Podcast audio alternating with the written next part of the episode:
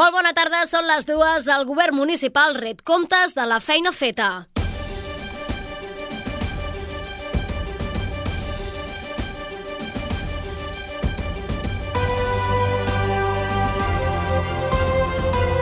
Notícies migdia. Núria Garcia.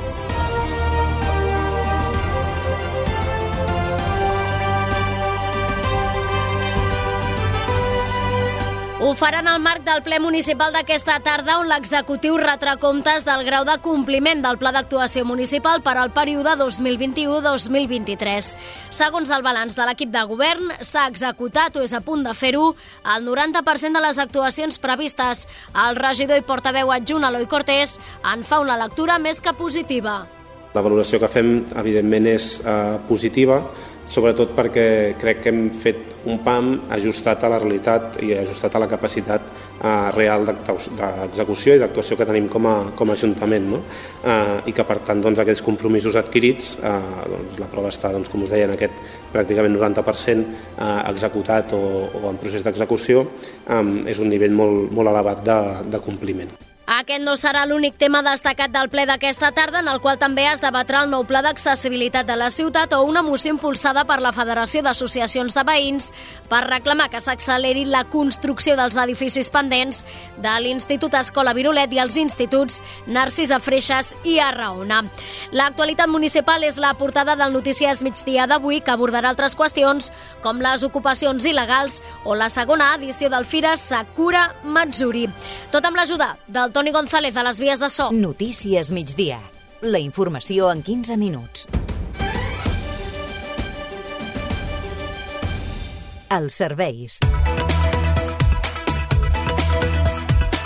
Situació del transport públic, Daniel Cáceres, des del Transmet. Bona tarda. Què tal? Bona tarda des del Transmet. Doncs estem tenint una jornada de dimarts tranquil·la on no hi destaquen alteracions significatives a la xarxa de transport públic de l'àrea de Barcelona. Així que a hores d'ara podem parlar de plena normalitat on tant trens, metro i busos circulen sense cap tipus d'incidència destacable. De moment, això és tot des del Transmet. Bona tarda.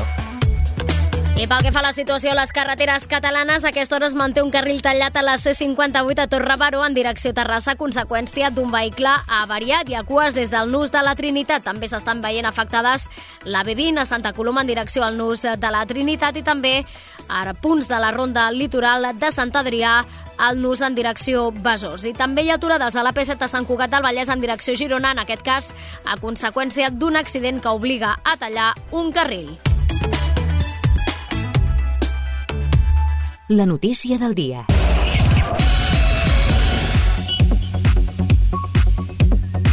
Nou de cada 10 actuacions municipals previstes per al període 2021-2023 ja s'han executat o estan en procés d'execució.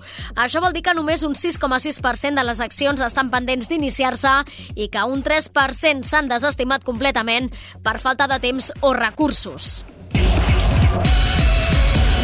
L'executiu local retrà comptes del grau de compliment del pla d'actuació municipal durant el ple d'aquesta tarda. Helena Molist, bona tarda. Bona tarda. Abans de la celebració de la sessió plenària, el regidor i portaveu adjunt del govern municipal, Eloi Cortés, ha detallat aquestes xifres que ha valorat molt positivament. Tenim de les 1.800 actuacions, en tenim 975 que estan executades completament o en execució, això és un 89,8% eh, de les actuacions que vam, que vam planificar Um, no? I per tant, doncs, d'aquestes 1.086, com us deia, tenim el 89,8% uh, executades completament o en execució i només un eh, 6,6% pendent uh, i només un 3,6% desestimat.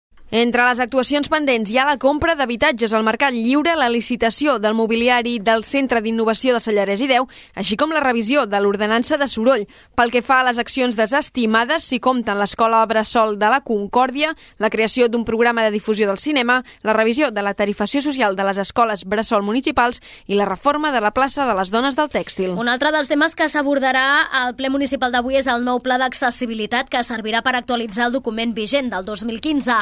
Eloi Cortés ha dit que independentment del pla que s'ha d'aprovar aquesta tarda, totes les actuacions a l'espai públic que s'han fet durant el mandat ja incorporen aquest criteri. El fet de fer ara el pla no vol dir que fins ara no féssim actuacions um, que fossin accessibles, sinó que totes les actuacions que hem anat fent al llarg del mandat ja s'han dissenyat precisament tenint en compte doncs, aquesta, um, aquests criteris. Un exemple són les rampes que s'estan fent a Cifuentes uh, per millorar l'accés d'un barri que com sabeu queda com, no? com molt uh, elevat i que per tant uh, fins ara amb les escales dificultava l'accessibilitat de moltes persones i per tant um, ja hem incorporat uh, en totes les accions que hem fet durant el mandat aquesta, aquest criteri d'accessibilitat Voreres més amples en zones com la Creu Alta o el centre o dotada de plataformes totes les marquesines per a l'autobús són algunes de les intervencions recollides al nou pla. I en l'apartat d'emocions, front comú de la comunitat educativa de l'Escola Virolet i els instituts de Raona i Narcís a Freixes amb la Federació d'Associacions de Veïns de Sabadell per reclamar els edificis pendents. La construcció dels equipaments s'ha tornat a retardar, segons va detallar ahir a Ràdio Sabadell la directora dels serveis territorials. La previsió és que l'escola Virolet entri en funcionament al setembre del 2027, mentre que els dos instituts ho farien al setembre del 26. La presidenta de l'AFA del Narcís a Freixes, Bea Garcia, ha admès que aquest nou endarreriment suposa un contra contratemps per als alumnes del centre que el curs que ve faran batxillerat. Ho ha dit el cafè de la ràdio. Ens han anat, preparant el, el camí perquè dient ah, que, que no podria ser perquè a l'institut no, no hi cabem.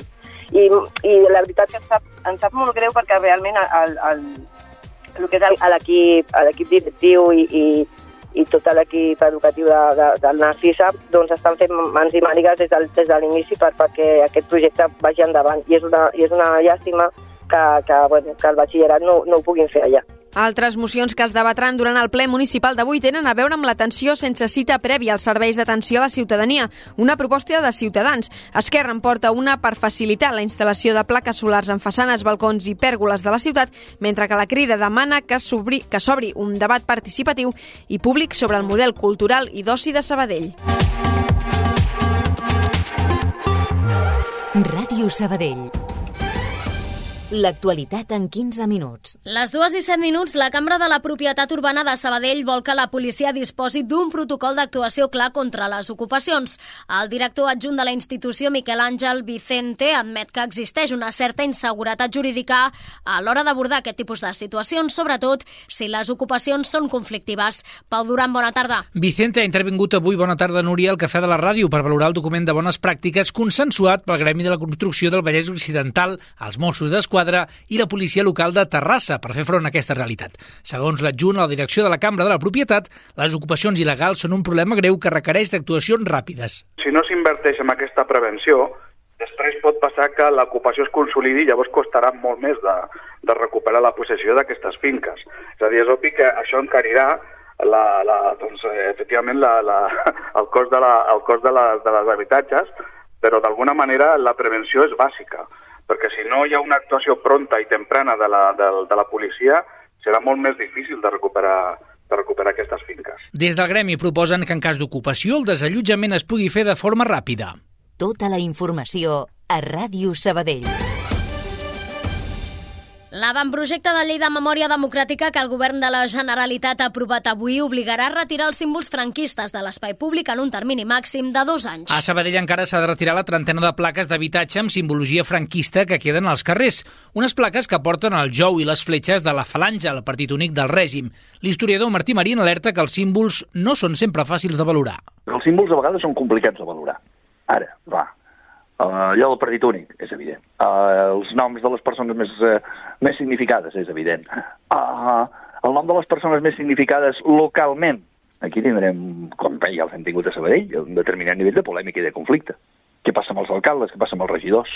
La nova norma prohibirà realitzar actes i homenatges d'enaltiment del franquisme. Tampoc es podran concedir ajudes per realitzar projectes que siguin contraris a la memòria democràtica i també preveu sancions pels qui exaltin el règim dictatorial. Marín matisa, però, que l'espai on es faci serà capdalt per judicialitzar-ho. Per exemple, un lloc privat com una església no és punible. El projecte de llei també regula millor el procediment per efectuar intervencions en fosses. Caldrà veure fins a quin punt. El tema de les fosses eh, està vinculat al, al, diguem, al, al dret a, a la recuperació de les restes dels, dels avantpassats i al, al dret auspiciat per Nacions Unides de, a, a, a la veritat, saber què va passar. Llavors, no sé si totes aquestes coses poden estar recollides en la llei que s'aprova ara. La llei disposa que el govern ha d'incloure la perspectiva de gènere, les polítiques de memòria i també introduir la memòria democràtica en el currículum educatiu des de la primària a les escoles. Canviem radicalment de tema. Del 14 al 16 d'abril se celebrarà la segona edició del Sakura Matsuri Sabadell, la fira sobre la cultura japonesa que presenta novetats respecte de la primera edició de l'any passat. Sí, l'acte inaugural serà gairebé un mes abans, el 18 de març, i consistirà en la plantació d'un cirerer Sakura Someyoshino, als jardins de la Fundació Antiga Caixa Sabadell. El portaveu de Junts per Sabadell, Lluís Mates, impulsor de Visit Sabadell, diu que es mantindran els preus de l'any passat a Fira Sabadell. Seran iguals que els de l'any passat, per tant, des dels 8 euros un dia als 15 euros els 3 dies, i per tant doncs, això també eh, creiem que són uns preus populars perquè pugui molta afluència de gent. L'any passat doncs, vàrem arribar doncs, a aquests eh, 10.000 persones que varen passar doncs, per aquestes activitats i el que volem és que siguin unes activitats populars, també per a àmbits molt diversos, per temàtiques molt diversos i en aquest sentit doncs, l'aposta també al compromís de l'organització i de l'Ajuntament és que Sabell doncs, segueixi esdevenint pols d'atracció amb tota aquesta temàtica japonesa. L'edició d'enguany està organitzada per Japan Weekend, que ha impulsat una renovació dels estants. S'hi faran un centenar d'activitats que inclouen les primeres jornades de gastronomia japonesa a Sabadell. A la ciutat hi haurà dues pèrgoles d'ambient nipó, els jardinets i el racó del campanar, amb programació pròpia. El Festival Matsuri inclourà activitats de manga, futbol, ràdio i trobades d'empresaris. No hi faltaran les arts marcials, les formacions escolars i la tribuna Japó Sabadell el 30 de març al Saló Modernista de Caixa Sabadell.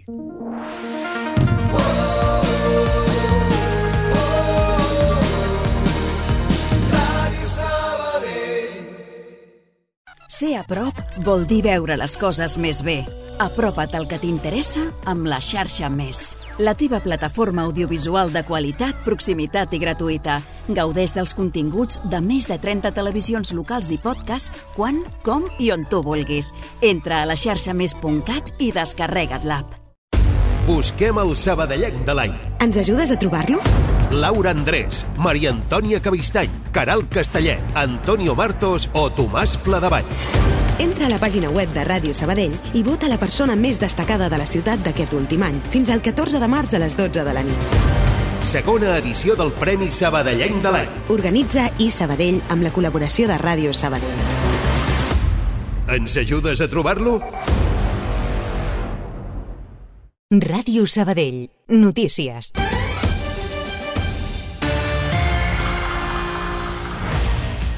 Recte final del Notícies migdia entra en vigor la fase d'excepcionalitat per sequera, un nivell d'alerta que afecta més de 200 municipis, principalment de l'àrea metropolitana, entre els quals hi ha Sabadell. El govern català va aprovar el decret fa tot just una setmana davant de la manca de reserves d'aigua a les conques internes de Catalunya, que estan al 28%, a tocar del llindar orientatiu del 25%. De moment no hi ha restriccions a l'aigua de boca, però sí que es limita el consum mitjà a 230 litres per habitant i dia. El Congrés vota aquest dimarts la presa en consideració de la reforma que el PSOE va presentar en solitari sobre la llei del només sí és sí. A les portes del 8 els socis de govern evidencien les seves diferències al voltant d'aquesta qüestió i tret de sorpreses d'última hora, Unides Podem votarà no a la proposta socialista, que previsiblement sortirà endavant amb els suports del Partit Popular i Vox. La votació es produirà quan el Consell General del Poder Judicial ja ha comptabilitzat més de 720 rebaixes de condemnes a agressors sexuals per l'aplicació de la llei i 74 delinqüents alliberats. Arxiven definitivament les denúncies contra professors d'un institut de Sant Andreu de la Barca per l'1 d'octubre. Els docents estaven acusats de delictes d'odi contra la integritat moral i contra les institucions de l'Estat per haver menyspreat alumnes fills de guàrdies civils després del referèndum. L'Audiència de Barcelona ha ratificat l'arxivament per set docents, docents i insta el jutjat a reobrir una de les causes. Fem un últim apunt. L'Hospital Clínic ha recuperat aquest dimarts un 10% de les consultes externes. Tot plegat després de patir un segrest informàtic que ha afectat tota l'activitat del centre sanitari des de diumenge. L'hospital també recupera entre el 40 i el 50% de les operacions selectives a la seu de Villarroel. Els treballs tècnics que s'han fet fins ara han permès reactivar l'accés a una part dels sistemes afectats, segons ha informat el govern català. El temps.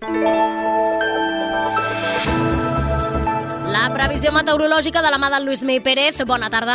Bon dia. Una temperatura encara molt suau al llarg de les immediates hores. Passarem fàcilment dels 20 graus de màxima a les comarques de la costa, del prelitoral, de les Terres de l'Ebre i fins i tot a les comarques gironines. Ara bé, allà, al llarg de la tarda el vent virarà cap al nord, entrarà de sobte la tramuntana i farà baixar també força la temperatura.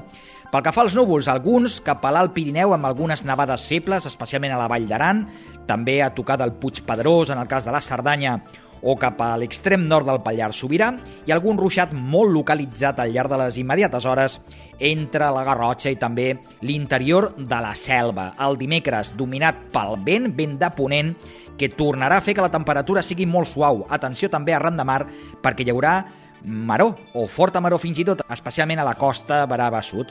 Ho anirem seguint aquí a la xarxa. Un quart de tres, marxem. Fins aquí el Notícies Migdia. Recordeu que podeu continuar informats al portal de continguts de l'emissora, a les xarxes socials i a partir de les 7 el Notícies Vespre. Que vagi molt bé fins demà. Allà on siguis, escolta'ns online. En directe.radiosabadell.fm